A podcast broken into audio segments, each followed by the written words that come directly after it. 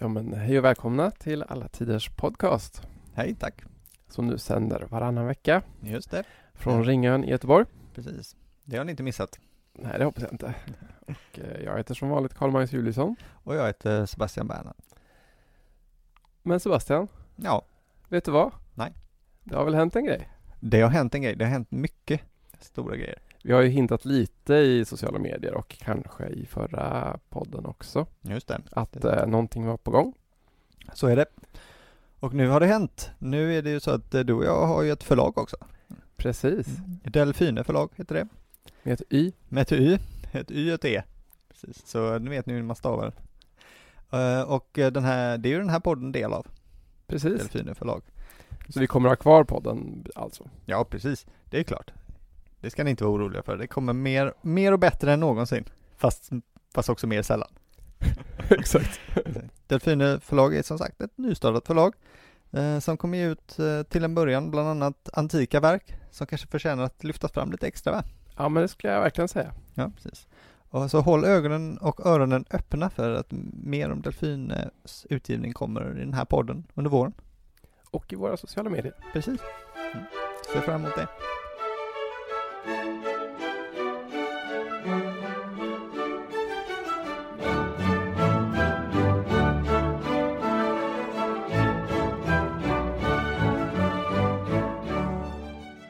Men nu ska vi väl till dagens ämne då. Det ska vi verkligen. Vi ska alltså prata om vad det betyder att vara stoisk. Mm. Just det, det behöver jag veta. Och du eh, tycker att du är för lite stoisk. Ja, jag tycker att jag är väldigt stoisk. Jag behöver bättre inblick i vad det innebär. Jag tycker faktiskt det är ganska bra teori, eller bra filosofi där. Så att, ehm, Jo, jag tycker att man känner att den har fått ett uppsving på senare tid. Man hör... eh, tänker lite självhjälp och sådär eller? Ja, kanske, kanske i det, ja, man kan, De här maskulina rörelserna. precis, de gillar ju stoicism faktiskt ofta. Mm. Just även de, de personer vi kommer att prata om idag. Gör de det? Ja, eh, det finns ju sådana här eh, mansgrupps YouTube-sidor finns det ju en hel del.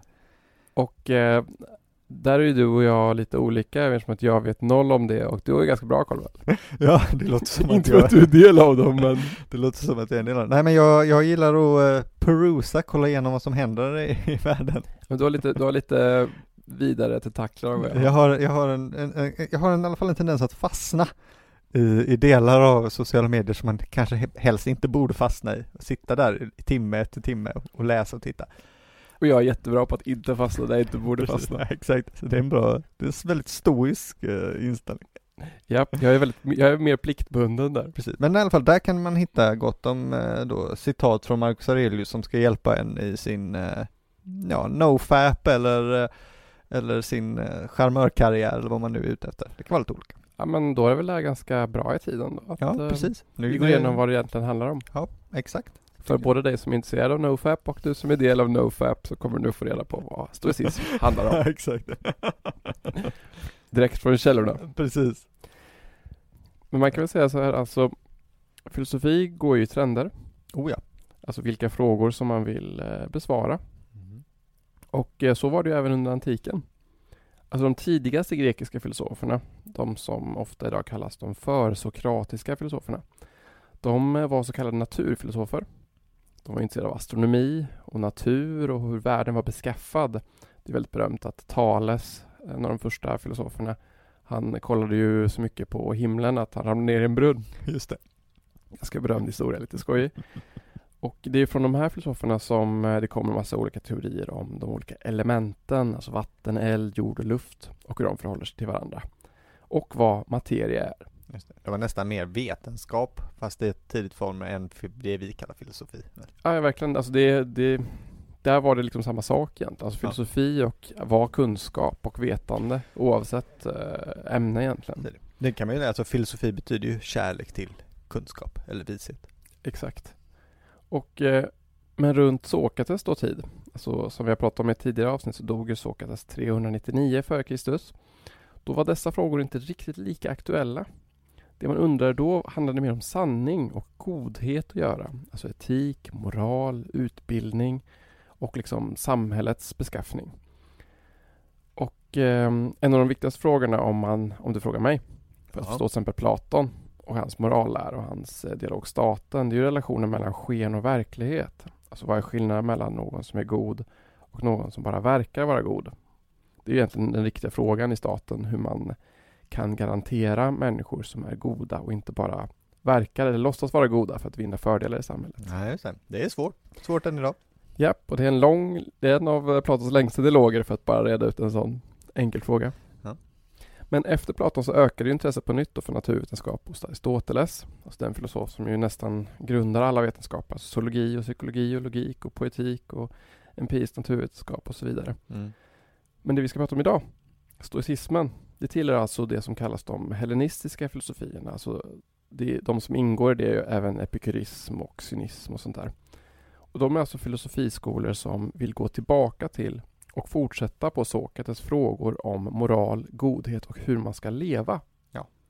Så det är de här, det är två, två poler kan man säga i antik filosofi mellan naturvetenskap och eh, säga, etik. Ja.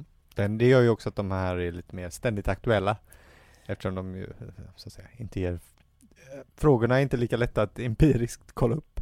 Nej men precis, och därför, därför är det ju här stora källor till eh, alltså hur, sådana här, såna här svåra frågor egentligen, hur man ska ta sig an livet. Mm. Och eh, epikurismen har vi redan pratat om i vårt avsnitt om Horatius. Just det. Om man Mm. känner att man vill ha lite eh, repetition på det. Och eh, om man ska säga lite kort, epikurismen sätter ju den rena lusten i att leva högst. Mm. Och eh, innebar i praktiken att man ofta liksom drog sig undan och eh, förhöll sig rätt passiv. Ja. Och eh, stoicismen sätter ju tvärtom plikt och dygd i första rummet. Låter hårt när man säger det, men, eh, men det är ändå inte dumt. Det är hårt men det är också fett. Ja, exakt. Bra. Men vi ska gå in på dess grundande. Mm. Så stoicismen då grundas som vi sa på 300-talet före Kristus av en kille som heter Zenon. Just det. Namnet stoicism är ju mycket mer trivialt än vad man tror. Faktiskt. Ja, det är ju bara en, en stoa i en form av byggnad. Eller En, en eh, pelargång. Pelargång eller typ en kolonnad. Ja, kolonnad är väl ett. Det- Som, alltså det är som det ligger runt ett torg, om du föreställer ett torg i, i antika Grekland så är det ju de här pelarna runt omkring. Där man då kan gå under tak men man är fortfarande utomhus. Mm. Väldigt käckt om man bor i ett var- varmt ställe, så man får lite skugga. Precis. Och, eh, men, det, men det är inte helt oviktigt där, för det pekar ändå på det stoiska temat då att det handlar om alltså livet, att de vill nå ut till offentligheten. Just det. De befinner ju sig alltså vid torget bland folk. Ja. Snarare än att ägna sig åt då en akademisk då naturvetenskaplig filosofi som hos Aristoteles och hans specifika skola. Det är roligt att jag använder ordet akademisk där, Ja, precis. så vi syftar till Platons akademia. En lyceisk eh, filosofi kanske. Exakt. Lite ordhumor, men För den som gillar det. Ja. Ja men eh, så att det, den, vi talar om en specifik stoa då, alltså stoa Poikile heter den. Det betyder den målade stoan. Och som låg på ag äh, agoran i Aten. Det var helt enkelt där Zenon hängde. Den finns inte kvar nu, men det ligger en stoa bredvid som är rekonstruerad, så man kan se hur den ser ut om man är i. ah, Det är, liksom, den, är- det är alltså inte rekonstruerad av just den stoan, men en liknande byggnad. Eh, en kul grej med Zenon, eh, då, som är känd som en av de viktiga grekiska filosofiernas grundare, är att han inte var grek, faktiskt. nähä. Utan han var fenicier. Han kom från Cypern. Cypern var re- redan då delvis grekiskt och, eh, och även då delvis feniciskt.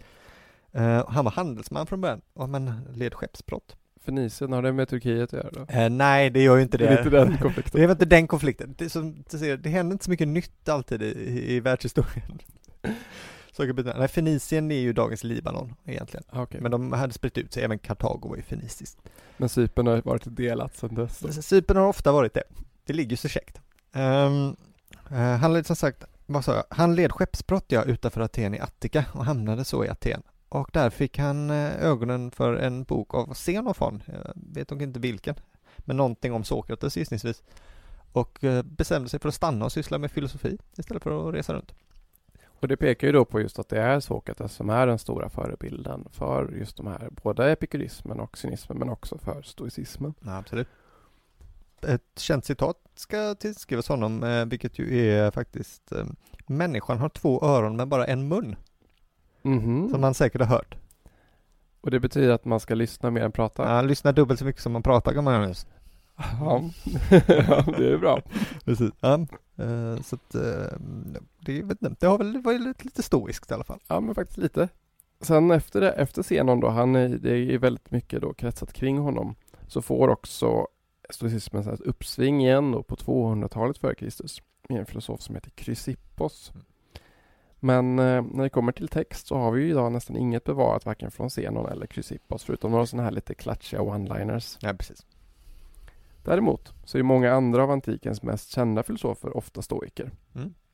Eller då inspirerade av stoicismen då som Cicero till exempel. Några kända namn är ju Seneca och Epiktetos eller Mar- Marcus Aurelius. Som eh, vi kan väl utgå från att de säkert kände till eh, lärorna från scenen och Chrysippos eh, bättre än vad vi gör idag då. Det är, det är ju nästan 100% säkert. Ja, så att vi får väl gissa att de inte har förvanskat ursprungsmaterialet alldeles för mycket. Nej, nej exakt. Lite senare idag så kommer vi att komma närmare in på både Epiktetos och på Marcus Aurelius Mm. som då är två av de allra mest berömda stoiska filosoferna. Men innan dess så kanske vi ska gå igenom lite grann vad, vad, vad det betyder att vara stoiker. Ja, bra. Bra idé. Och man kan säga så här att eh, den stoiska erfarenheten den bygger på en medvetenhet om människans tragiska situation Mm. och hur vi är betingade av ödet. Och eh, det här är väl lika aktuellt då som idag. Oh, ja. Vi saknar ju frihet. Vi bestämmer inte hur vi ska se ut. Vi bestämmer inte om vi har eh, god hälsa eller dålig hälsa. Nej. Vi bestämmer inte var vi föds eller vad vi ska ha för föräldrar eller, eller vad för typ av sorts lidande vi ställs inför. Nej, orättvist. Det är gemensamt för alla de här sakerna. Det är att de står utanför oss och Mm. utanför vår kontroll. Det mesta är ju tillfälligheter. Ja. Och vi står hela tiden utlämnade för sjukdom och död. Ja. Och så är det att vara människa. Vad ska man göra åt det då? Hur ska man klara sig i denna jämmerdal? Jo, det finns ju en sak vi kan kontrollera. Ja, vad Och- bra. Och det är vår vilja att göra det goda. Och vår vilja att handla efter förnuftet. Mm. Ja, det är sant. Och för en stoiker är det enda goda det moraliskt goda. Och det enda onda är det moraliskt onda. Just det. Och allt annat är faktiskt likgiltigt. Så Det är hårt kanske det också, men... det är lite, men det är ganska klart och tydligt åtminstone. Mm. Så här skriver Epiktetos i sin eh, handbok eh, för levnadskonsten. En del av tillvaron står i vår makt, Mm. en annan del icke.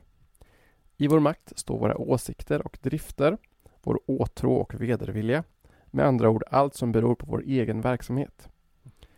Utom vår makt står kroppen, förmögenheten, anseendet, samhällsställningen. Med andra ord allt som inte beror på vår verksamhet. Just det. Man får då lägga till att förmögenhet på den här tiden ofta inte stod inom ens verksamhet. Nej, nej, precis. Det var inte så rörlig ekonomi som vi har. Nej, det var mer arv på den tiden. Ja. Men det som det handlar om då, det är alltså att skapa en form av enhet med sig själv. Alltså en enhet mellan det du vill och det du gör. Att vilja och handla. Och eh, praktiskt taget egentligen gill, alltså göra det man vill och vilja det som är rätt. Ja, precis. Marcus Aurelius skriver i början av sina självbetraktelser. Eh, felen hos dem kommer sig av att de är, o- alltså han pratar då med viss, vissa typer av personer. Då. Dåliga människor. Felen hos dem kommer sig av att de är okunniga om ont och gott. Jag däremot har insett att det goda till sitt väsen är skönt och det är inte oskönt. Gött. Olycka uppstår tänker man när man försöker uppnå något gott som man inte når Mm. eller när man försöker undvika något oundvikligt. Ja. Alltså som döden då till exempel. Och, eh, och därför handlar stoicismen om att inte gå emot så som sakerna är. Så man kan säga så här att eh, sto, stoiska, liksom, de- deras filosofi består av tre delar. Och det här har jag tagit från en bok som jag använt ganska många gånger i vår podd Mhm. som heter Vad är antikens filosofi? Ja, men det låter ju bra. av en författare som heter Pierre Hadot. Den finns på Daidalos den här boken. En jättebra bok om antikens filosofi. Bra tips. Så att ni undrar, om ni undrar var, varifrån allt kommer. Ja, exakt. Dessa tre delar är fysik, logik och etik. Då. Fysiken har ju mycket med etiken att göra eftersom det är den som lär människan att erkänna att det finns saker som vi inte har makt över. Mm. Så att handlandets rationalitet måste grundas på naturens egen rationalitet.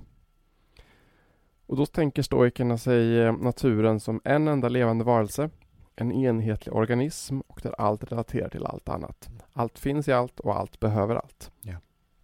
Vi pratar innan om att vara enhetlig med att vilja och handla. Och det hör ihop då med alltså världens enhetlighet. Att leva i enlighet med sitt förnuft då innebär att också leva i enlighet med naturen eftersom vi ju är en del av naturen. Just det. Det låter väl ganska rimligt. Ja, jag har inga invändningar faktiskt. Men det är en ganska stor skillnad från hur epikureerna ser världen. Ja. För de ser världen som bestående av atomer som krockar med varandra i en värld där allt är slump och kaos. Just det. Så de ser ju en värld som är inte enhetlig utan eh, vad ska man säga, heterogen och eh, kaotisk. Ja. Så det här är liksom två olika syner på naturen som är nästan samtida men som är diametralt liksom, o, eh, motsatta. Just det. Men för stoikerna hör allt ihop och sker enligt denna rationella nödvändighet. Undrar man vad detta med moral att göra? Jo, eftersom våra kroppar är en del av naturen och bestäms av den finns det en valfrihet att acceptera sitt öde eller att revoltera mot den och mot naturen och den universella ordningen. Mm. Och där handlar stoicismen mer om att tänka med ordningen och ac- acceptera det vi inte kan förändra. Just. Marcus Aurelius skriver ju, eh, du måste alltid begrunda hur all naturen och hur din egen natur är beskaffad, hur den senare förhåller sig till den förra och vad för slags del av vad för ett helt den är. Betänk vidare att ingen kan hindra dig från att handla och tala i överensstämmelse med den natur som du är en del av. Det är fint faktiskt. Det är ju nästan ordagrant det som jag sa. Ja, faktiskt. Så att det verkar som att Pierre då har också läst Marcus Aurelius. Han har väl säkert koll på vad han håller på med. Säkert. Får hoppas det när vi sitter och citerar honom. Ja, precis. Ehm, Det leder oss in lite på deras eh, kunskapsteori då, alltså relationen mellan människa och natur hos stoicismen. Och den bygger helt enkelt på att saker händer i verkligheten och att de ger oss vissa sinnesförnimmelser som är verkliga. Men sen kan man beskriva dessa saker på sätt som kan vara sanna eller inte.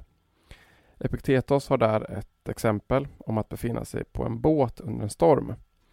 Om du bara konstaterar att det är en storm som pågår så stämmer det och är riktigt och sant. Ja. Men det sätter ofta igång andra tankar som inte är lika riktiga. Typ som nu är jag i fara, nu Just kommer jag dö. Mm. Den typen av frågor. Och dessa, de här liksom, eh, vad ska man säga, um, resonemangen kring de faktiska omständigheterna är ur ett stoiskt perspektiv fel. Eftersom det är likgiltigt. Just det. Det finns inget ont förutom det moraliskt onda. Det finns inget gott förutom det moraliskt goda. Och det moraliska beror på oss själva.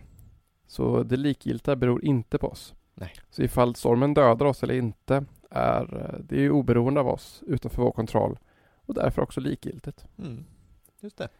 Det är inget man ska behöva bry sig om. Nej, Så man får eh, lära sig leva med det helt enkelt. Ja men verkligen. Det är egentligen, man kan ju säga det är stoicismen är väldigt eh, vulgärt sammanfattat är, är ju live with it. Ja och ibland kan jag tycka att det är en jätterimlig eh, ståndpunkt faktiskt. Åtminstone så har man ju inget annat val så att, eh, Ja, man kan ju bråka med världen hur mycket man vill men eh, i slutändan så tenderar det att vinna. den får sista ordet till slut. Så är det.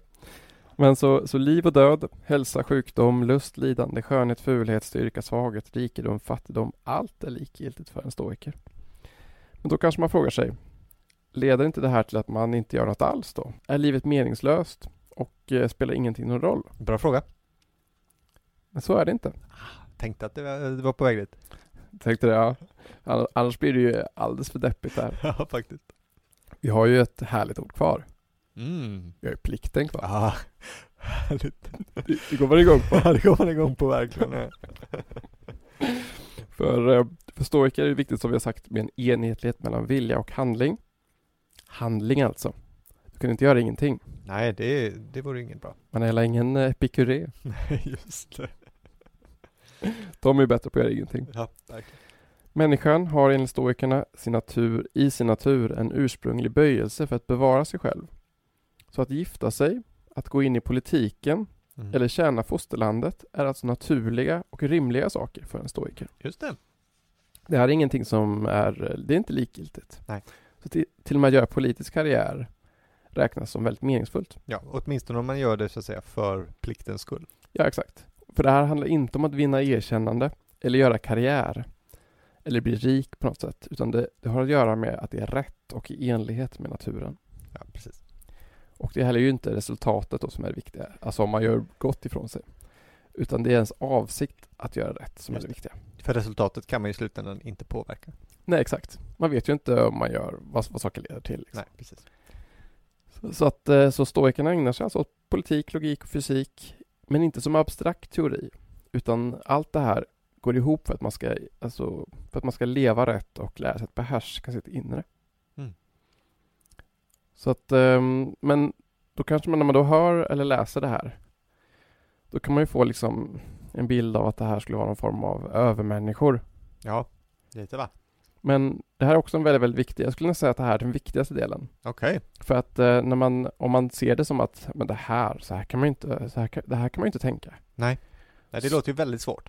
Ja, problemet då är att man, det är lättare att skjuta det ifrån sig. Mm, Just det. Att man inte tar till sig det här för att eh, man tänker att ja, men sådär, sådär, det där är orimligt bara. Ja, precis. Men stoikerna är medvetna om hur svårt det här är.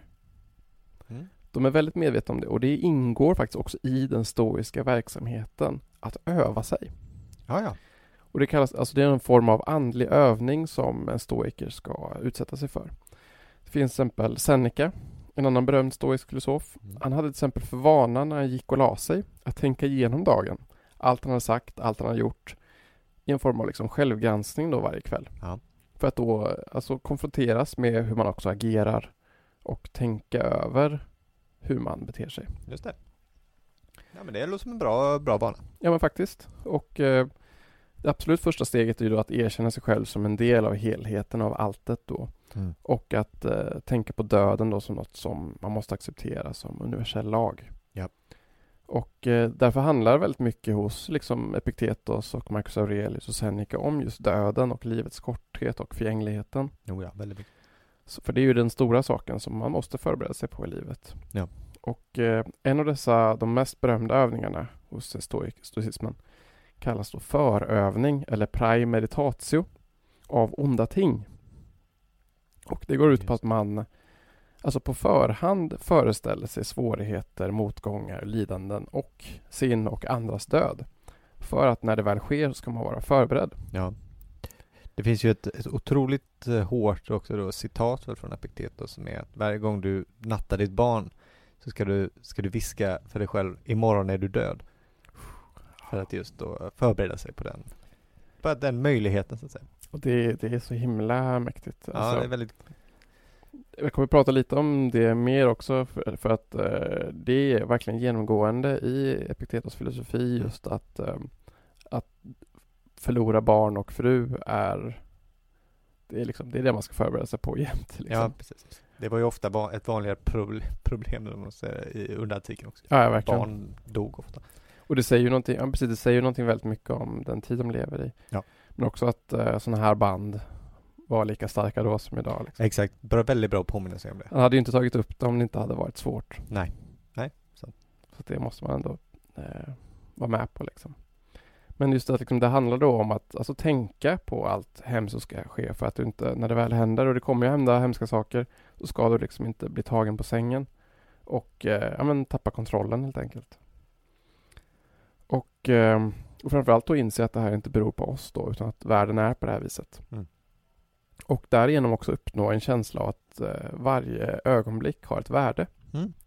finns ett citat då, att varje handling i livet måste utföras som det vore den sista. Just det.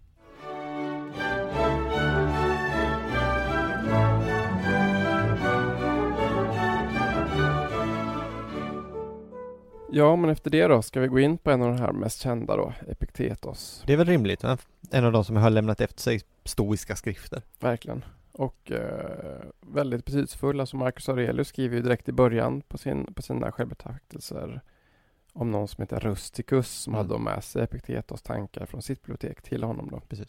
Så att han, eh, vad ska man säga, eh, visar sin skuld till honom direkt nästan på första sidan. Han avslutar också uh, självbetraktelserna med, alltså de sista mening, citaten är från Epiktetos, så han avslutar även med honom. Ah, ja, så att det visar ju någonting. Ma- Marcus Aurelius är idag kanske lite mer berömd. Ja.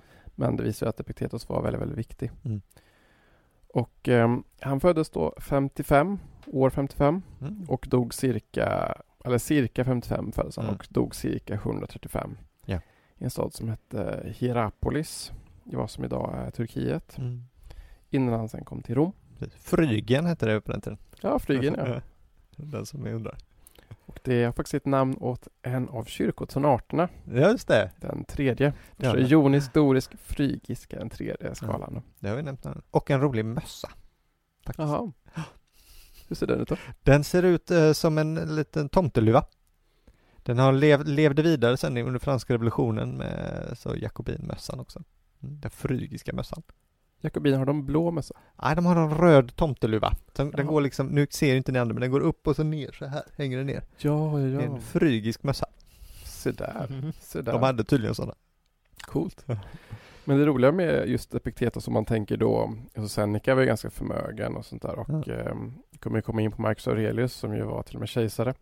Men Epiktetos, han var slav till en början. Ja, det är sjukt.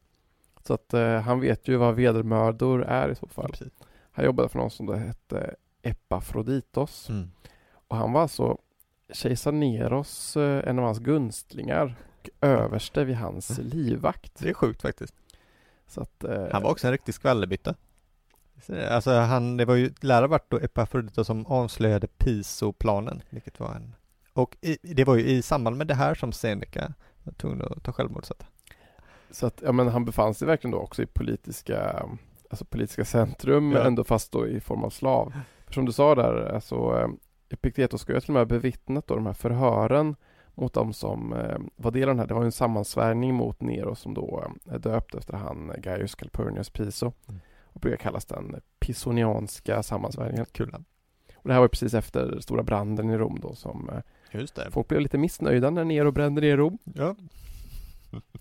Och eh, Seneca som vi har nämnt som ju också var en stoisk filosof, han var ju lärare till Nero och väldigt nära och var ju också lite in, eh, involverad i den här eh, sammansvärjningen. ja. Så att år 65 fick han och hans fru då befallning att begå självmord och han skar upp sina handleder. Hon blev faktiskt räddad och levde några år till läste jag. Vad skönt. Undrar vad hon gjorde för att eh, bli benådad. Ja, bra fråga. Men Seneca han, eh, han gjorde det här i badet då medan han gick igenom sin korrespondens och helt osentimentalt fortsatte att arbeta medan livet rann ur honom. Som en stoiker, ja. Precis. Och ehm, då tänkte vi ska, vi ska nämna lite grejer här för att Ah. om man, om man ska jämföra de här hellenistiska filosoferna Mm. så det är lätt att eh, kolla, på då, kolla på de som representerar dem. Ja. Epikuréerna hänger i en trädgård och slappar hela dagarna. Det gör de. Cynikerna bor i tunnor och onanerar på gatan framför folk. Just det. Medan stoikerna är fett badass. Ja, det är de faktiskt. Alltså om Bruce Willis hade varit eh, filosof så hade han varit stoiker helt klart. Ja, i alla fall John McClane. För mig är det samma sak. Ja, jo, absolut. Men som vi sa, Seneca dog ju helt utan problem genom Ja. självmord. Eh, Marcus Aurelius var ju krigarfilosof, liksom. supermäktig. Epiktetos, han eh, som barn så sägs att han då av sin herre Epafroditos blev fastspänd i ett tortyrredskap i vilket han eh, drev in då den ena kilen efter den andra i hans ben och Mm. spände åt. Mm. Efter ett tag ska då Epiktetos ha sagt helt lugnt. Snart brister mitt ben. Ja. Och så bröts hans ben. Och då sa Epiktetos helt lugnt. Ja, vad var det jag sa? Ja. Ja, det är hårt. Den här historien kommer från en tidig kristen författare som heter Origenes. Ja, ja. Det finns en som heter Simplicius som, som däremot säger att han var halt sedan födseln. okej. Lytt var han i alla fall hela livet. Ja. Och det skriver han också om i sin handbok i levnadskonsten. Okej. Så att, eh, men eh, ganska mäktig. Jo, ja, det får man säga. Så här är, det här, så här är stoiker. Det här är historiker. Fett mäktiga. Ja, en rolig detalj är ju um, Alf Henriksson som jag alltid tar upp nästan. Han, han verkar inte vara så positivt inställd till Epiktetos. Han skriver så här nämligen. Eh, så här skriver han citat. Medan Plutarkos med rätta vann ära och ryktbarhet i den lilla staden Kaironeia satt i den lika obetydliga staden Nikopolis i Epeiros en ofärdig gammal skolmästare som hette Epiktetos. Ja, det var väl lite taskigt. Det var lite taskigt här. Var har han fått det ifrån? Jag vet inte, han tyckte inte alls han var vidare. Han tyckte att han var lite för hård kanske i sina böcker. Ja men ofärdig gammal skolmästare. Ja. Ja. Du kommer, kära lyssnare, kommer få bygga upp din egen bild av Ja, honom i alla precis. fall. Han var rätt badass i alla fall. Men till slut blir han faktiskt frigiven. Mm. Han var ju Ja, halt, han. så han kanske inte var jättebra slav. Nej, det är sant. Och ehm, det finns ett uttryck som man inte riktigt vet om det har med, det, med just det här tillfället att göra. Där Epiktetos säger Du som nyss frigav din slav, är du själv fri? Ah, pa, pa, pa. Yes. Och han började faktiskt undervisa då i filosofi i Rom. Mm. Men ungefär då år 93 så bestämde sig eh, kejsar Domitianus att förvisa alla filosofer från stan. Det var säkert lika bra. Mm, jag tycker det låter lite, lite varningsflagg va? Lite va? Ja. Mm, lite kulturrevolution. Lite kulturrelation, ja. Domitianus kanske inte var den mysigaste typen heller. Nej. Men här drar jag strecket. Här drar du strecket. ja, här får det vara. Mycket otyg kan man acceptera. Exakt. Men det här var lite för långt. Och då åkte Epiktetos till, och, som du sa, eh, Nikopolis i Grekland. Så han startade en skola. Ja. För det är ju så också att Epiktetos har ju inte skrivit några böcker själv. Utan det är ju hans mest berömda elev då som heter Arianus. Mm. Som då satt ihop sina föreläsningsanteckningar och citat till de böcker vi har idag. Ja, det är ju fint. Så det finns ju faktiskt folk som har menat att, eh, alltså att Epiktetos för Arianus är som Sokrates för Platon. Ja, Det är svårt att veta vad som är liksom Epiktetos ord egentligen och vad som är att Arianus har då tolkat och eh, byggt fram hela hans lära och sådär. Liksom. Ja, jo, okej. Men vem vet alltså. Spelar ju ingen större roll i slutet. Nej, det gör väl inte det liksom. Men om vi ska gå in lite kort på hans, eh, hans bok då. Mm. Så kan man säga då att eh, som vi har sagt så handlar ju stoicismen om att finna inre lugn och ro och bli ett med sig själv och med naturen. Men den här då um, handboken då, det är ju liksom ingen lightweight självhjälpsboksfilosofi Nej, det kan man inte säga. och den handlar ju alltid om det som är hårdast i livet. Och eh, vi har pratat om det här med att förbereda sig på lidande. Och jag tror att det är säkert fem, sex gånger han pratar om just att förlora ett barn och sin fru som du nämnde. Ja. Ett ställe står det så här. Eh, om du tycker om en lerkruka så säg Det jag tycker om är en lerkruka. Går den då sönder så förlorar du inte besinningen. Är det ett barn eller en kvinna du håller av så säg Den jag håller av är en dödlig människa. Om hon då dör så förlorar du inte besinningen. Nej. Om det var så enkelt då. Ja, jo, det är ju det Mm. då.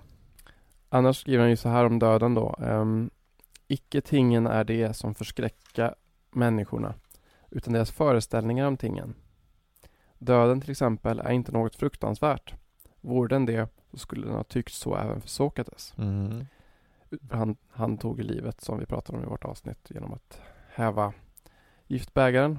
Och han sa ju det att, eh, att säga att, li- att döden är någonting hemskt är ju att eh, låtsas som att man vet någonting man inte vet. Ja, det är sant. Men det ska dock läggas till eh, att ingen av de här som tar livet av sig gör ju det så att säga i ett självmord för sin egen skull, utan de är ju beår, alltså de, de har blivit dömda till döden. Ja, precis. Nej, det är ingen, de är inte deppiga och... Nej, eh, men det hade ju varit väldigt ostoiskt så att säga. Nej, precis. Eh, och, och så fortsätter han då, utan det fruktansvärda ligger i själva föreställningen att döden är fruktansvärd. Mm. Och ehm, om du minns det här exemplet med stormen förut så, så är det just sinnesfrid som faktiskt är målet. Man tänker kanske inte utan man tänker att man ska liksom stå emot. Eh, att man, man ska inte känna saker. Nej, just det. Men det är ju inte liksom avsaknad av känslor som är målet utan det är liksom det är ju frid och eh, enhetlighet och lugn i själen som man vill ha. Ja. Vilket då innebär att man måste kunna acceptera saker. Så han säger då till exempel önska inte att händelserna må hända så, så som du önskar utan önska att de må hända så som de hända. Ah. Därav kommer du att befinna dig mycket bättre. Mm. Sen finns det, det är ett citat som jag faktiskt eh, tyckte var lite roligt. Eh, det här tyckte jag om. Ja, Det är ett tecken på bristande insikt att anklaga andra för sina lidanden. mm. Den som börjar komma till insikt anklagar ingen annan än sig själv. Och den insiktsfulle anklagar varken sig själv eller andra. ja, det var fint. Det är sinnesfrid det. Det är sinnesfrid det. Ja. Man ska liksom inte anklaga någon egentligen för att för just att livet är hemskt, tragiskt, orättvist. Ja. Men det finns liksom ingen som ska bära skuld för det, varken du själv eller andra egentligen, Ja. enligt Epiktetos då. Ett annat kul exempel som man tar upp är att man ser, sin, att man ser sitt liv som en roll i ett skådespel. Ja. Och det känner vi igen från Shakespeare, The World's a Stage. ja, faktiskt. Han skriver då Glöm aldrig att du är en av de medspelande i ett skådespel vars mästare har anförtrott dig en roll där i. Är det en biroll så är den kort. Är det en huvudroll så är den lång. Ja. Ja, Marcus Aurelius spinner vidare på den sen i sin bok, mest på samma tema och säger att om det är din tur, tid du gav scenen så att säga, oroa dig inte över det. Pjäsen blir som författaren vill. Ja. Det är det. Det är ändå ganska roligt, det är just det skådespelet som blir eh, Ja, det är intressant. liksom... Det fanns ju redan där med Augustus och sådär. Ja, visst ja, precis. Han säger också då att eh, om du då försöker spela en roll som inte är din så kommer det ju bara leda till problem. Ja. Både att du skämmer ut dig i vad du försöker vara men också att du försummar den du är och alltså den du borde ha spelat då. Just det. Att om du försöker vara någonting du inte är så så misslyckas det dubbelt kan man nästan säga. Ja. Och eh, ja, men så här finns det faktiskt en hel del tycker jag som man kan inspireras av i sitt vardagliga liv för att få ett rikare, lugnare och mer autentiskt liv. Mm. Så jag tänkte avsluta den här Epiktetos-passagen med ett stycke stoicism för vår tid. Särskilt alla som befinner sig mycket på sociala medier. Ja, nu blir det, nu blir det riktigt bra grejer, up to date här. Här är Epiktetos för influencers. Just. Det De- låter som en bok du borde skriva. Gör inte du bara titel och sen ha hans citat bara. Exakt. Så här då. Du må veta att det inte är någon lätt sak att på samma gång bevara troheten mot ditt sanna inre väsen och dessutom det som yttre är. Det är tvärtom alldeles oundvikligt att den som vänder sin uppmärksamhet mot det ena måste vända sin uppmärksamhet från det andra. Mm. Så att om du tänker för mycket på hur du uppfattas eller hur folk ser på dig så tappar du förr eller senare bort vem du är egentligen. Ja, det var fint sagt. Det. Så att det, det tycker jag gäller lika bra då som, eh, som idag. Ja, verkligen. Jag har faktiskt också ett litet Epiktetos-citat som jag tyckte var väldigt bra. Som Ah. är sådär användbart, praktiskt filosofi. Va? Som var, ehm, om du vill förbättra dig själv, då måste du vänja dig vid att andra kommer anse att du är både löjlig och dum. det tyckte jag var bra, man får tänka på det. Man får liksom vänja sig för att folk kommer inte förstå. nej, Alltså om man vill, man måste, man måste stå ut med att andra kanske kommer tycka du är dum men det är, det är ett pris du får betala i, i målet. och det, det kommer ju alla då känna igen sig i när de sen eh, kommer slänga sig med stoiska citat och försöka uppnå den här visdomen. Exakt. Så kommer folk säga, "Men vad är det här för larv liksom? Och så säger du, men döden, döden är oundviklig. Så kommer folk säga, "Ja, men vad fan. Exakt. Och det är sånt man får ta. Det är det man får göra med. Man Det är- kan, man kan inte bry sig om vad folk tycker om, Nej. om en. Utan Precis. bara uthärda i sig själv. Kloka ord. God, Kloka ord. Från alla tiders podcast. Japp. Du är en livscoach i etern. Precis. Kanske har gett lite för lite eh, livsråd innan. Ja, jag tror det. Jag känner att det kommer kanske en ny podcast på gång snart. Ja, det var väldigt roligt att eh, berätta tycker jag för folk hur de ska göra i alla fall. Ja, nej, men det är väl någonting, det är någonting du njuter av va? Ja, lite faktiskt. Ja, det är klart faktiskt. Det är inte så stoiskt att man ska inte, Nej. det är lite förmätet. Det är sant. Men jag är ju inte, jag är inte helt uh, upplyst utan jag, eh, jag skyller mycket på mig själv fortfarande. Ja, ja, det är hårt. Mm. Du får sluta med det. Ja, ja jag, jag skyller inte så mycket på andra men eh, mycket på mig själv fortfarande. Mm. Ja. Så kan det vara. Halvvägs dit. Man har hela livet på sig. Faktiskt. Ska vi gå över lite till eh, Marcus Aurelius? då? Det vore väl kul. Som du sa, som ju väl är den kändare av dem. Eh, dels för att, kanske för att han var kejsare också. Det tenderar ju att göra en lite känd. Ja, precis. Och han är väl också med i Gladiator va? Han är ju det, faktiskt. Faktiskt. Lite sådär avbildad kanske.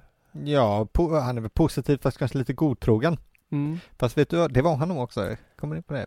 Oj. Eh, Marcus Aurelius hade ju många positiva sidor och framhävs ju ofta som en bra kejsare och bra person. Men han kanske inte var en bra människokännare. Nej fan. Men vi får se. Det, det här kan vara lite skvaller också, men det är kul. Men vi kanske ska börja lite från början eh, här att han, eh, han var ju adoptivson till en annan kejsare, det var så, eh, som hette Antoninus Pius.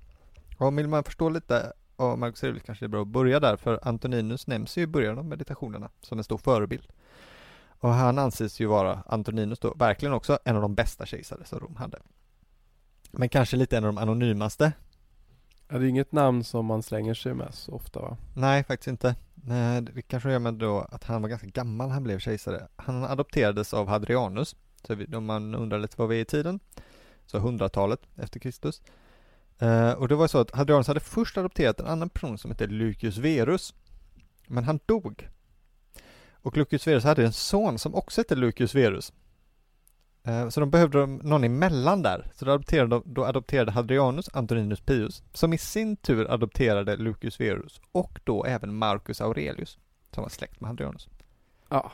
Många namn här. Också lite um, hur konstigt det här uh, adoptionssystemet i Rom också. Ja, precis. Att då att eh, någon har en son och så adopterar någon som adopterar hans son. Ja, Och så bara, va? ja precis.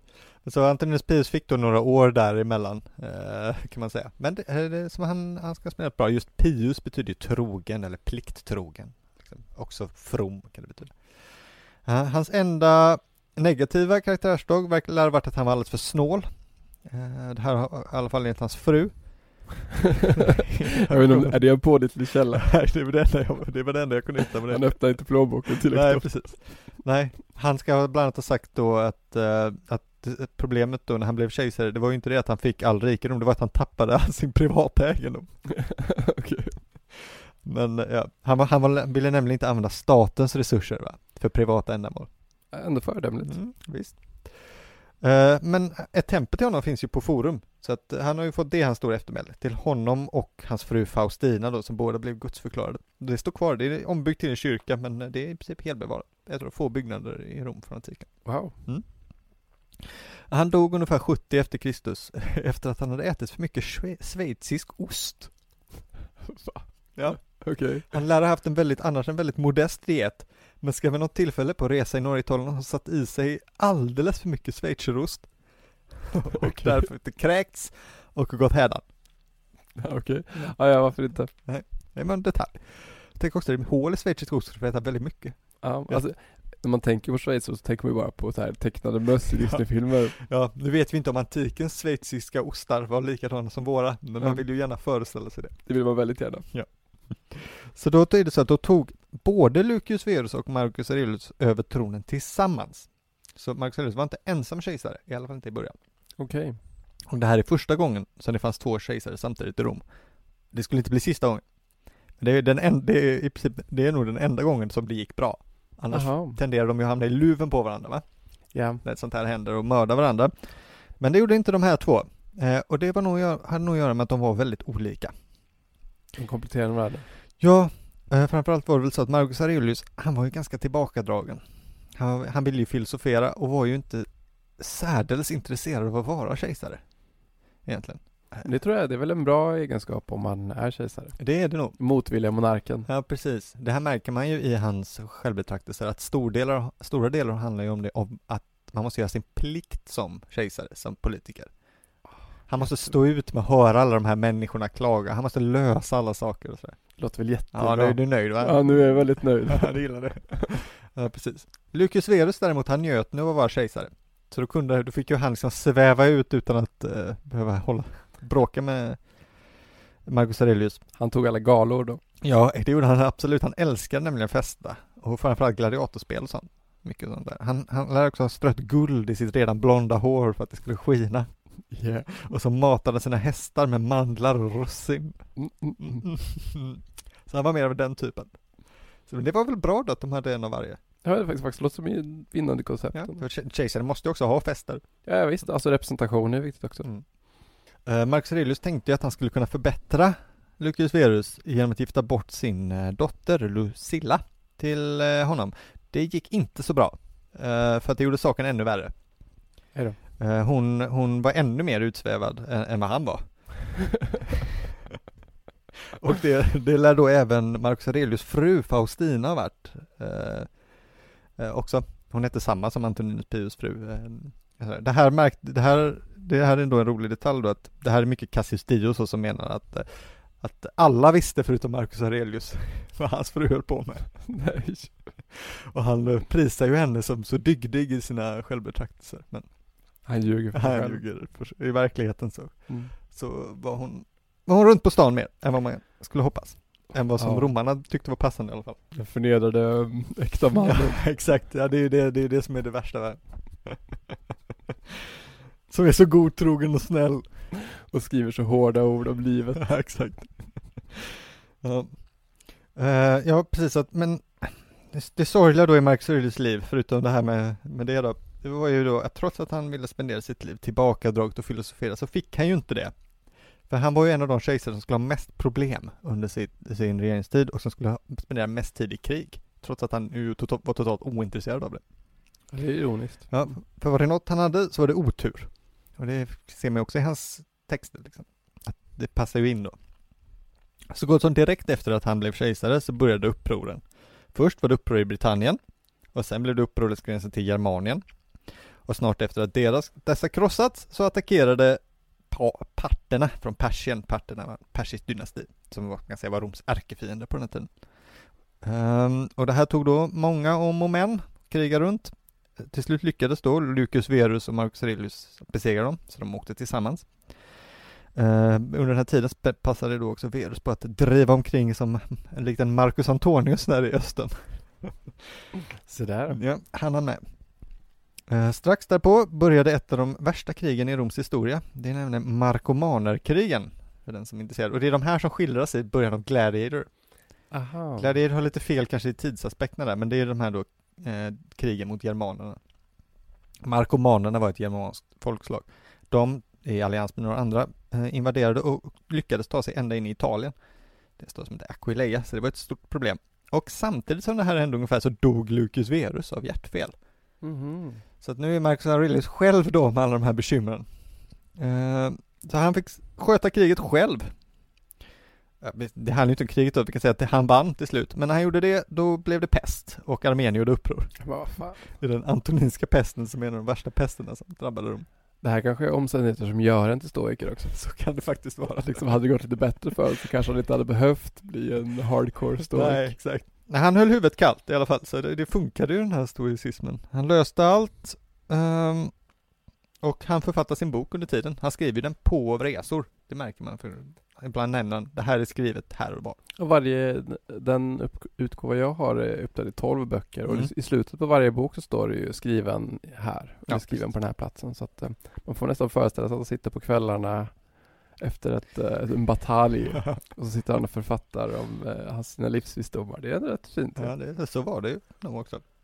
Ehm, och för att vi- visa då hur engagerad han var så ska han ha sålt av sina personliga ägodelar för att bekosta de här krigen. De såldes på Trojanus forum på någon sorts auktion. Mhm. Eh, till slut då, efter alla de här så dog han ju själv 180 efter Kristus i Wien. Eller strax utanför Wien. Det hette Vindolanda på den tiden, men eh, tror jag det hette Vindolanda kan vara en annan plats. Det, det, det var i Wien i alla fall. Eh, och då är det då att, att hans äldste son Commodus tog över tronen. Alltså Joaquin Phoenix. Också Joaquin Phoenix i Gladiator, precis. Eh, och att låta sin son ärva makten och det anses ju vara hans enda stora misstag egentligen. För att som vi sa så kanske han inte var en, en människokännare. Commodus var ju en riktig typ alltså. Ja. Eh, och det här, Commodus är ju början på Roms förfall i generell historieskrivning. Att han är liksom början på slutet. Ett långt slut, men det inleds med honom. Ja, Det är ju väldigt öppet att vara den som har orsakat det. Det, det är pissigt faktiskt. Men intentionerna var ju bra. Så är det. Ja. Eh, men självbetraktelserna då, de heter Thais Eavton på grekiska. Och det betyder ju då till sig själv, ungefär. Eller det till sig själv. Vilket, så de är helt enkelt skrivna till honom. Det är inte, inte meningen att publiceras, i alla fall inte så vitt man vet. Det är som du sa, det är 12 böcker. På engelska brukar de heta me- meditations eller något sånt där tror jag. Mm. Jag tror de heter, på den latinska tiden sen blev meditationes tror jag. Mm. Ja, precis. Så, som sagt, det är lite oklart då om den var till för allmänheten eller bara honom själv. Eh, faktum är att det, finns, det är lite mysterier kring texten, för det, den finns inte omnämnd riktigt i någon källa förrän 900-talet. Jaha. Ehm, eh, så, det, så att den hade liksom, det är lite oklart om den hade ett stort genomslag i antiken eller om den var allmänt läst. Eller om den sen bevarades i något arkiv som grävdes upp. Eller sådär. Det är svårt att veta.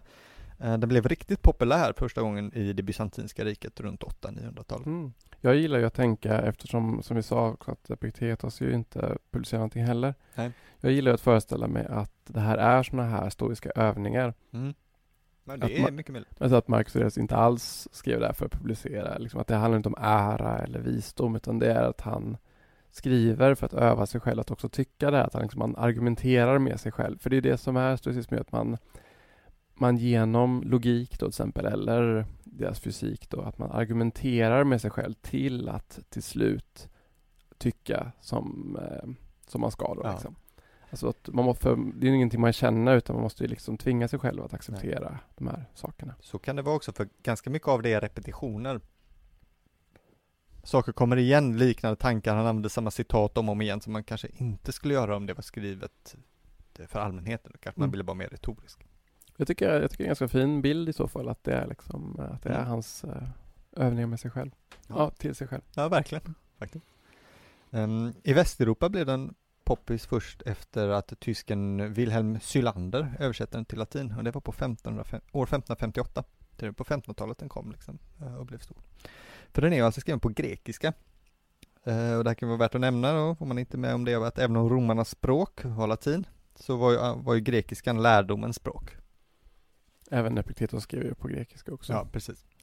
Uh, och det, så det är inte förvånande att Marcus Aurelius skrev på grekiska. Uh, dessutom så, alltså mer än halva romarriket talade ju grekiska som modersmål. Och en lärd romare, han skulle ju prata grekiska som vi kan engelska eller bättre. Liksom. Det var inget, inget med det. Um, och boken är då uppbyggd i en lång rad ordspråk. Of, de, ofta är de eh, ganska korta, ibland är de lite längre. Men det är liksom så, det är citat helt enkelt, rad på rad på rad med citat. Uh, så den funkar ganska bra så man kan liksom, man behöver inte läsa den från A till B, eller A till Ö med det, utan man kan ju öppna en sida. Mm.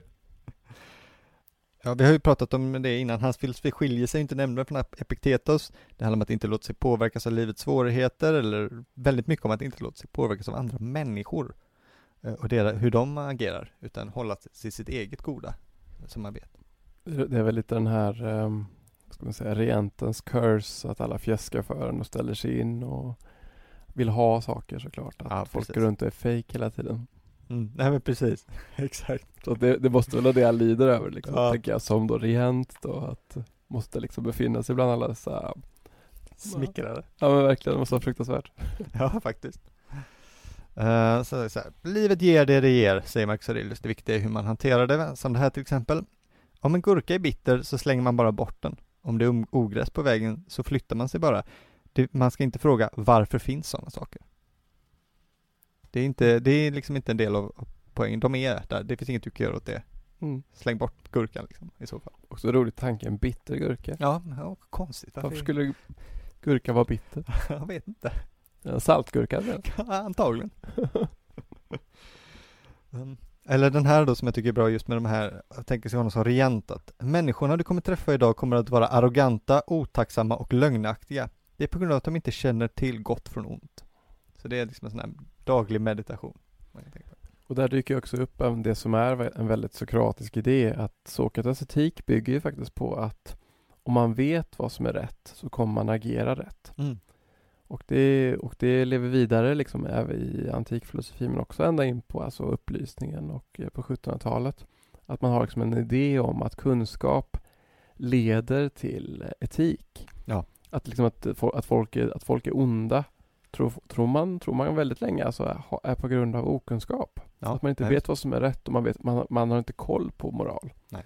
Det är mer i modern tid när vi har märkt att folk eh, vet vad som är rätt och gör skit ändå. Ja, nej, precis. Så vi, vi tänker inte riktigt så idag. Nej. Men eh, det är en klassisk sokratisk liksom, ja. eh, idé. Det var ofta därför skolmaterial och eller tider i princip bara bestod av morals, moralistiska texter. Liksom. Ja, för man ska lära sig vad som är rätt och därför agera rätt. Nej, precis. Eh, Eh, på samma spår här så har han också, tycker jag, vilket också är ett ganska bra citat eh, och väldigt typiskt stoiskt. Om, om någon föraktar mig, då är det hans sak. Det enda jag kan göra är att se till att jag inte gör eller säger något värt att förakta. Eh, så det är liksom, så det är så här, det är väldigt praktisk kunskap. Till skillnad ofta från filosofi, om man tänker sig filosofi, man har kanske en föreställning om att det är lite, lite svärmiskt och lite, vad säger man, Abstrakt. Abstrakt, precis. Jag letade mer efter kanske pretentiöst, men det är väl det här också. Men så är det här, det är liksom, det är väldigt, väldigt handfast. Och, men också då att man får tänka att det är inte, det är lättare sagt än gjort. Alltså ja. Det handlar ju om att eh, nöta och öva på det. Att man kan liksom inte bara, det är inte så att man bara, nej men nu tänker inte jag på vad andra personer ty tycker. Nej, exakt. För det är klart man gör. Men mm. man måste ju liksom ja, men tvinga sig själv till att inte göra det. Exakt, och ha ett mantra då för när tillfället dyker upp. Ja, man kan, kanske kan läsa det här stycket varje gång liksom eh, varje gång man tänker onda tankar liksom, försöka motarbeta dem. Jag tänker att det har säkert hänt någonting under dagen här och sen har han suttit och skrivit ner det här på kvällen. Så här kokande av ilska så har han skrivit, jag ska inte. Nej, exakt.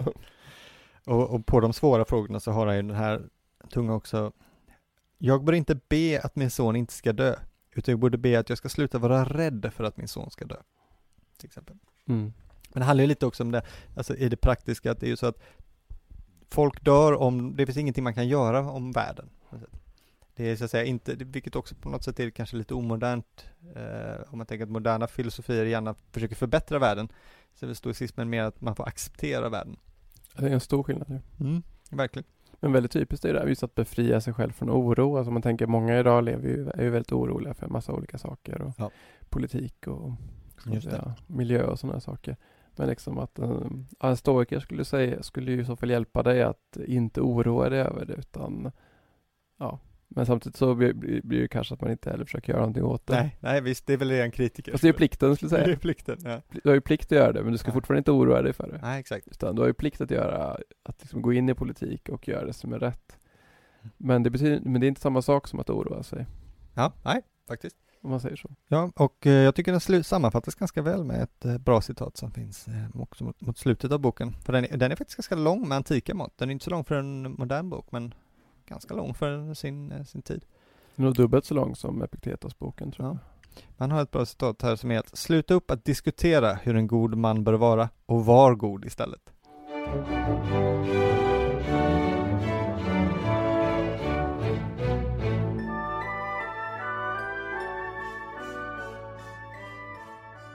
Ja men det var ju spännande. Ja, vad skönt. Men jag tänker, nu, nu undrar väl alla en liten kort grej så här på slutet. Mm. Som man kan ju ventilera är ju eh, Det finns ju en, del, en viss koppling mellan stoicismen och eh, kristendomen. Oh ja. Både i tid och i tanke. Ja.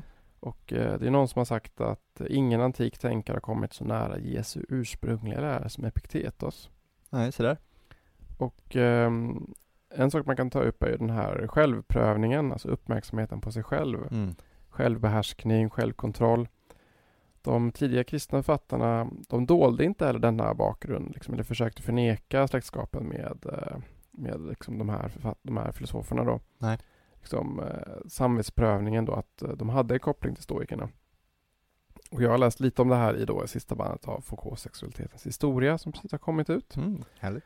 Bygger på hans opublicerade manus ehm, som handlar om kyrkofäderna. Så man kan säga liksom att redan på 100-talet så började de här kristna författarna som kallas apologeterna alltså använda sig av begrepp då ur den antika filosofin. Alltså ett är ju logos till exempel Ja. som vi hittar i, eh, i begynnelsen var ordet, alltså logos då i Johannes evangeliet. Mm. Och eh, en del av det var ju också att man presenterade kristendomen på ett sätt som skulle också vara begripligt för en grekisk-romersk värld. Alltså de som var intellektuella och eh, kunniga i filosofi skulle också kunna, liksom, man skulle kunna resonera med dem och värva folk då också. Ja. Men också visa på kontinuitet, alltså eh, filosofisk kontinuitet och att inte liksom att det skulle ta, vara taget ur luften om man säger så. Liksom. Nej, just det. Man vill ju, man vill ju kanske också visa liksom att det här är ingen, det är inte så främmande som man tror och det här står inte heller efter kanske var en stor poäng. Nej, precis. Och eh, här finns det massa folk då som Clemens och Alexandria och eh, Origenes då och sånt där. Ehm, jag tänker det finns ju också lite, det finns ju en del likheter också. Ep- Epiktetos skriver ju på ett ställe eh, Håll dig ren från alla kärleksnjutningar ända tills du ingår i lagligt äktenskap. Ja. Ja det är ju väldigt oantikt. Ja, det känns ju lite, men Epiktetos skriver Ja. det liksom. Och ehm, så att liksom även under antiken så kunde man ju alltså förespråka avhållsamhet. Men eh, sen skriver han efteråt då, det här tycker jag är det bästa. Men bli inte en tuktomästare eller en förmanare för de som gör annorlunda och yvs inte överallt över ditt handlingssätt. Nej, just det. Det tycker jag, det är det bra hos Epiktetos. Du ska inte gå runt och skryta och säga att du är så mycket, att du är så Nej. bra. Precis. Det finns ju också, det, även det finns ju med i, i, liksom i uh, Matteus evangeliet. Gör inte som hycklaren gör och blås i basun för dig själv när du ger allmosor. Låt inte den vänstra handen veta vad den högra gör och så vidare. Det låter ju väldigt, väldigt bra liksom. Kul med basun tycker jag. Här kommer jag! Den stora trumman. Men eh, så att, så att det finns ju en del av de här, liksom, det som vi tänker är så klassiskt eh, kristet eh, stoff finns liksom i den stoiska liksom, självkontrollen. Ja. Men Foucault visar ju också då i den här boken alltså hur dessa praktiker då också alltså radikaliseras kan man väl säga. Alltså, det, radikaliseras låter ett konstigt ord men, men hur de liksom, Stärks man kan säga. Ja, men stärks. För, förstärks. Ja, och få nya innebörder då alltså, nya konsekvenser av de här handlingarna liksom. Till exempel då alltså bikten kontra att eh, alltså be om råd då från en läromästare till exempel som ju finns eh, hos stoicismen då. Och det är lite kul faktiskt och eh, Pierre Ador, den här författaren då, som har skrivit den här boken, han Hans teori i den här boken handlar primärt om alltså antik filosofi som ett sätt att leva. Okej. Alltså eh, inte bara en teori då utan ett, ett livssätt. Ja. Och han menar faktiskt att eh, det är det som lever vidare i kristendomen då, att eh, kristendomen är en teori och en praktik, precis som den antika filosofin är. Mm. Fast den antika filosofin ju liksom under egentligen samma tid blir mer och mer akademisk, en vetenskap, liksom utan egentligen någon koppling till praktiken. Ja, just det. Så att han menar liksom att eh, kristendomen nästan är alltså den, den sanna, en riktig arvtagare till antik filosofi Ja, okay. eftersom att den eh, håller fast vid alltså att teoretisera fram en bra praktik. Liksom. Ja. Medan filosofin tappar ju det helt. Liksom. Idag är det ju ingen som nu läser Hegel idag så är det ingen som pratar om hur man ska omsätta det i ett bättre liv. Nej, det är faktiskt sant. Nej, det är sant faktiskt. Ja. Nej, nej, det är spännande. Eh, Bra att tänka på. Ja. Ja, jag, känner, jag är sympatisk för det som eh, både fan, fan av alla sidor där. Ja, det finns ju en, har ju funnits en historisk diskussion om Marcus Aurelius koppling till kristendomen. Vissa har menat att han ska ha varit i kontakt med kristna och pratat med dem och att det då ska ha påverkat den här boken. Det kan man inte, det kan man tänka sig då om den var så otroligt populär i bysantiska riket på medeltiden. Så. Och så, för självklart blir det lätt så, gillar man något så försöker man ju in, inlämna det i sitt system. va? Som jag gjorde med Aristoteles sen i, Ja, precis. i eh, bland de skolastiska Ja, exakt. Eh, och det man mycket lägger vikt på då, som man har lagt, är ju det att Marcus Aurelius pratar ju på ett sätt som gör att han verkar tro på en viss försyn, alltså på en gudomlig idé som ser över människan på något sätt. Han argumenterar ungefär så här ofta, att du ska handla rätt oavsett om det inte finns några gudar eller inte. Det han är först och främst tydlig med det, är att det, det spelar egentligen ingen roll. Men nu är det ju så att det finns gudar. Vilken tur. Vilken tur det. Och, och eh, då måste du handla på ett sätt då, då finns det extra, så att säga, sparning att handla som de vill. Eh, Men det här är ju på ett sätt då oantikt, för den antika gudavärlden har ju ingen moral, moral på det sättet, om man säger tidigare. Det finns liksom ingen, Zeus, om man går till klassisk tid, bryr sig ju inte Nej. om vad människan gör. Om du ligger med någon annan än, eh, ja din fru, det, det skiter han i. Han, han gör ju dessutom detsamma. Ja men det är, det är väldigt, eh, alltså om man tänker på religion och det är den stora skillnaden mellan just också kristendom och antik religion. Det är att i, i antiken så spelade religionen typ ingen roll i ens eh, personliga liv. Nej. Utan det, det var ju som att fira jul idag, så det är liksom en, det är en ritual och liksom vissa högtider, du ska göra vissa grejer. Men det skiter ju vad du tycker och tänker och känner. precis. Ja, exakt. Det finns liksom ingen innerlighet i antik religion utan det är mer en procedur liksom, som är mer samhällelig då, social och så. Ja. Det brukar sammanfattas med do ut des. Jag ger för att du ska ge. Så eh, alltså, antikens människor, de hö- höll ju på med religion hela tiden. Liksom. Att så fort du vaknar är det ju någon gud du ska göra. Men det gör, gör du ju för att få något eller för att motverka ett ont. Det har ingenting med din själ att göra. Nej. Och- Rädsla typ att Ja, de ska precis. sno skörden och så. Ja, exakt. Och eftervärlden har ju ingenting, jag menar det, ely, det elysiska fälten som finns i antik mytologi och sådär. Är Champs-Élysées. Ja, exakt. Det är någon sorts paradis. Där hamnar ju inte goda människor. Där hamnar ju berömda människor. Så det är inte, det är inte, goda handlingar som gör att du hamnar där nödvändigtvis. Sen finns det, det finns vissa saker då som, som eh, gör att du, som Sisyfos gör att du får ett särskilt straff om du har brutit mot till exempel gästfrihet och sådär. Så det är inte helt sant. Men, men det jag ska komma till i alla fall är det att Mar- det, det är ju inte så att det är kanske någon kristen direkt påverkan på Marcus Aurelius. Han är överlag negativ till kristendomen. Det märker man ju i Men det finns inga records av att han så förföljde dem och sådär och... eh, Jo, eh, alltså, eller vi kan säga så här, inte personligen, men förföljelserna fortsatte i vanlig takt under hans period. Ja, okej. Eh, han, han klagar ju lite på kristna också i självbetraktelserna. Han tycker de är för tre, teatraliska martyrerna. Att de dör liksom inte på ett eh, ärvördigt sätt, utan de, de hojar och stoar sig för mycket. Ja, nej, de gör det inte som, eh, som, som en romare gör det, så jag håller klaffen och sitter i badet och så Nej, bara precis. tar det liksom. Nej, exakt. Eh, istället är det väl lite så här då, att den romerska världen genomgår en värdegrundsförändring på den här tiden. Eh, kristendomen och, är ju en del av det. Så det, så det är klart, det, det är inte helt oavhängt kristendomen. Kristendomen växer ju. Det gör även andra då, man brukar kalla dem orientaliska religioner. Det här är religioner från med, östra medelhavet, Mellanöstern. Och därifrån kommer ju då saker som har en mer moralisk syn på, på gudavärlden kanske. Det är även saker som mankeism, mitraism till viss del, influenser från Zarathustra och sånt där. Och det är ju sånt som sipprar in, så det som Marcus Aurelius uttrycker liksom den allmänna inställningen på sin tid. Som då också såklart påverkar den antika religionen. Att man inlemmar sånt där. Så att man ska inte tro, alltså allting så att säga är inte direkt kristet. Kristendomen är ju en del av en trend. De är båda barn av sin tid. Ja, precis. Ja, men verkligen. Ja men det är ju det är väldigt spännande. Det är ett spännande ämne va? Det är det. Mm, jag tycker vi har lärt oss mycket idag. Verkligen. Och, eh, Det gäller att gå ut och praktisera det här då. Oh. ja. och eh, bearbeta framförallt. Plikten kallar. Så är det. Ni där ute får ha det bra så länge. Glöm inte att följa oss på sociala medier. På Facebook och Instagram. Där kommer det roliga grejer som vanligt. Vi är tillbaka igen om två veckor. Chip och hike. Hej då. Hej.